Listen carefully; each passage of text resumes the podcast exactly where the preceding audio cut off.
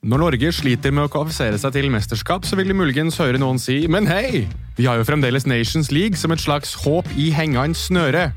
Men hvorfor er Nations League plutselig blitt fotballens Hail Mary hva angår kvalifisering til mesterskap? Og hva er egentlig Nations League? Det skal vi forklare nå.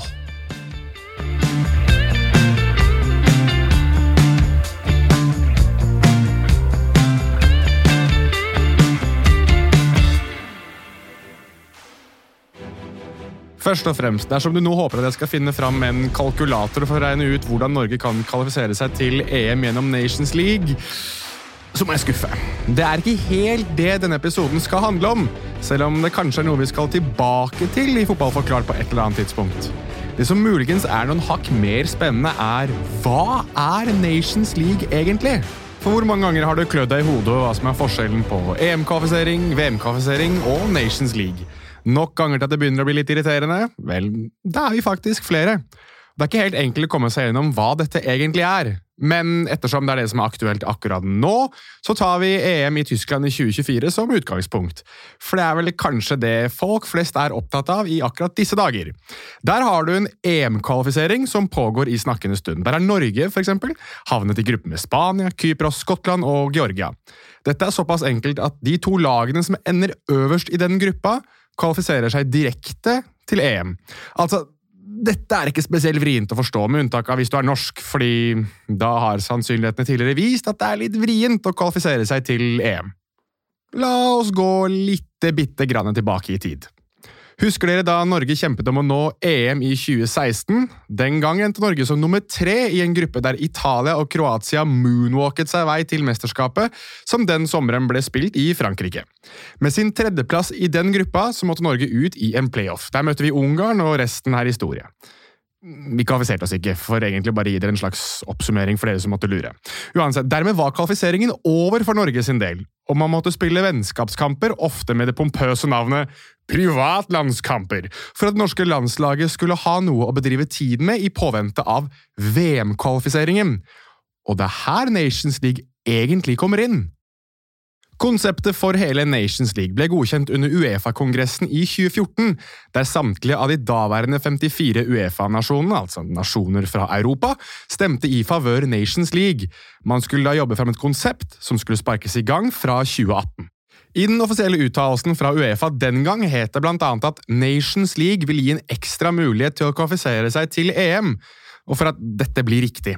Det første internasjonale mesterskapet det var mulig å kvalifisere seg til i det første Nations League, var EM. Siden har man også kunnet kvalifisere seg til VM gjennom Nations League, men det trenger vi ikke å ta for oss denne gangen. Men bare slik at dette blir riktig. Du kan kvalifisere deg til både EM og VM via Nations League. Uansett, legg dette litt vekk akkurat nå. Nå har Nations League faktisk vært igjennom en del endringer i løpet av de tre utgavene vi alt kjenner til, så for ordens skyld skal vi holde oss til det nåværende formatet, slik at ingen ramler helt av. Og det er vel egentlig vanskelig nok som det er. Slik som dette er Nations League delt opp. Alle nasjonene deles inn i fire puljer fra A til D. Pulje A er for de beste lagene, og pulje D er for de dårligste lagene. I pulje A til C finner vi fire grupper med fire lag i hver gruppe. I pulje D er det kun to grupper, der den ene gruppa har fire lag, og den andre gruppa har tre lag. Dette er for så vidt rimelig enkelt å forstå, dette også. Det er også enkelt å forstå at lagene som ender på førsteplass i sine grupper i pulje B til D, rykker opp et hakk. De som ender på sisteplass i sine grupper i pulje A til C, rykker ned et hakk. Igjen egentlig ganske enkelt, ikke sant? Tidligere har det vært slik at de fire gruppevinnerne i de fire gruppene i pulje A har et sluttspill, en slags Final Four, der det er to semifinaler seg imellom, der vinnerne av de to semifinalene møtes i Nations League-finalen. Vinneren har da vært den offisielle Nations League-mesteren. Igjen, her er ikke den vanskelige biten, ikke sant? Men uansett, nå skal vi faktisk gjøre det litt vanskeligere. Fordi Uefa bekreftet i juni 2023 at man nå introduserer kvartfinaler for noen av disse nasjonene. I neste utgave av Nations League i 2024 og 2025 skal nemlig vinneren av de ulike gruppene i pulje A samt andreplassene ut i kvartfinaler der man spiller hjemme og borte, før vi så går til disse semifinalene som vi snakket om litt tidligere. Lagene som ender på tredjeplass i sin gruppe i pulje A, vil også måtte spille mer fotball. De vil nemlig spille en playoff med laget som endte på andreplass i sin gruppe i pulje B, altså den nest beste gruppa, for å forsvare sin plass. Vinneren av dette sluttspillet vil da spille i pulje B. Det samme gjelder tredjeplassen i sin gruppe i pulje B og andreplassen i sin gruppe i pulje C. Dette sammenfaller fint med mottoet «Every match counts», som Nations League har fått kastet på seg av Uefa. Men Jonas, hvordan påvirker alt dette Norge? Skal ikke vi til EM på bakgrunn av dette? Takk for det, lille stemmen i hodet. Det er litt dette vi kanskje skulle forsøke å ikke forklare i denne episoden. Hvordan er det man egentlig kommer seg inn i de store turneringene gjennom Nations League? Uansett, vi kan jo se på noen interessante scenarioer som kan utspille seg. Fordi lagene som kan kvalifisere seg til EM gjennom Nations League, kan jo muligens ha kvalifisert seg til EM gjennom den ordinære kvalifiseringen. Alle skal jo delta i begge deler, ikke sant? Så hvordan løser man den floken? Jo, du åpner opp potensielle ekstraplasser for de nest beste eller de som ikke akkurat har vært gode nok til å kvalifisere seg til EM eller VM. Og her kommer Norge inn. 20 lag kvalifiserer seg til EM gjennom den ordinære kvalifiseringen. Altså den samme kvalifiseringen som alltid. Eller vi sier i hvert fall alltid for at ikke dette skal bli altfor vrient. Likevel! Det er 24 lag som skal spille EM. Dermed er det fire lag som gjenstår når de 20 har kvalifisert seg. Et av disse, i hvert fall for 2024, er Tyskland, som er vertsnasjon. Og de tre resterende kommer fra playoff-runder, som baserer seg på Nations League. Det er nemlig slik at disse playoff-plassene gjøres opp av de høyest rangerte lagene i sist utgave av Nations League, som ikke kvalifiserer seg direkte til EM via den normale kvalifiseringen. I utgangspunktet er disse plassene reservert til gruppevinnerne av gruppene i Nations League. I Norges gruppe var det Serbia som til slutt vant, og hadde dermed los på en eventuell playoff-plass. Men Serbia kan kvalifisere seg direkte via den vanlige kvalifiseringen, og det samme gjelder Skottland. Bosnia og Israel er de to andre nasjonene som vant sine grupper i pulje B, og vil dermed ta seg inn i en playoff. Men i denne playoffen, på hvert nivå, så skal man ha fire lag. Altså, det er playoffer i pulje A, pulje B og pulje C, og hvert av de skal ha fire lag. Det er nemlig slik at hver eneste playoff-puljegruppe, for å lage et begrep, skal ha fire lag. Men det er samtidig litt slik at veldig mange av de ulike lagene vil allerede ha kvalifisert seg direkte gjennom den ordinære EM-kvalifiseringen. Så hvordan løses dette? Vel, det er noen ulike måter å se på dette. Hvem som får de ulike plassene i playoffen, baseres på hvor godt man har gjort det totalt sett i Nations League foregående sesong. Husker dere at det er fire grupper med fire lag i hver gruppe i hver pulje? De 16 beste er dermed pulje A. De neste 16 er pulje B, og så videre.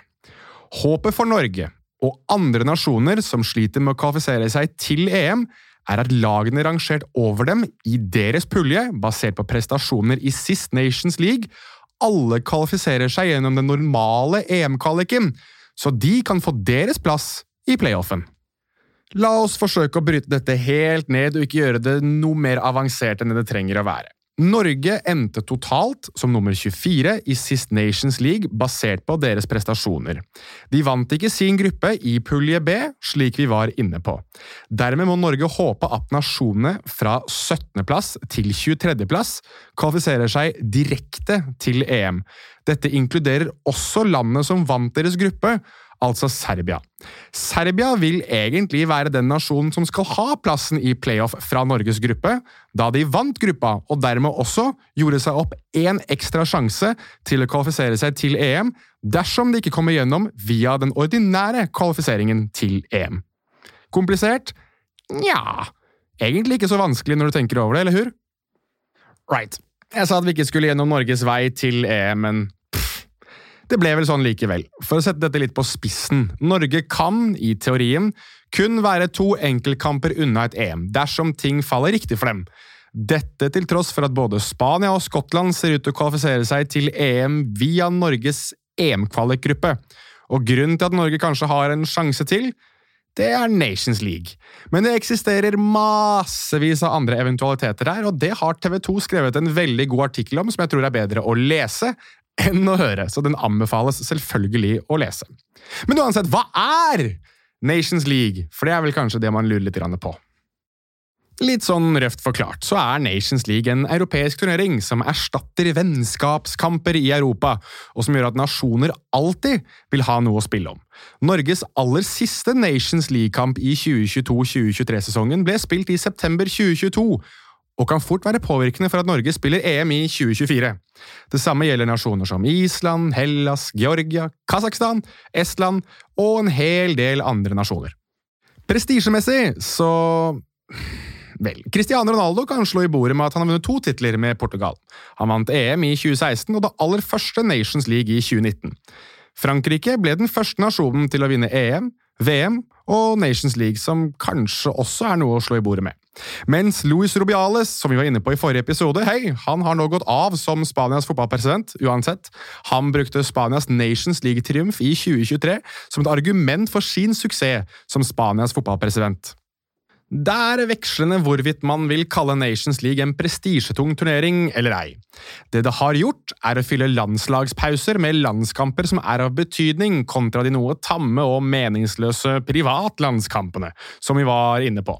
Selv om Nations League fremdeles er litt i startfasen, er de aller fleste enige om at konseptet, faktisk, er ganske så gøy. Og forhåpentligvis har du nå fått Nations League sammenlignet med EM- og VM-kvalifisering litt bedre forklart. Dette var det for Fotballforklart for denne gang. Igjen, vi er på sosiale medier. Vi er at Fotballforklart både på Twitter og Instagram, så følg oss gjerne der. Kilder brukt i denne podkasten var uefa.com, Rabona TV, VG, TV 2, ESPN og Sports Illustrated. Takk for at du lyttet.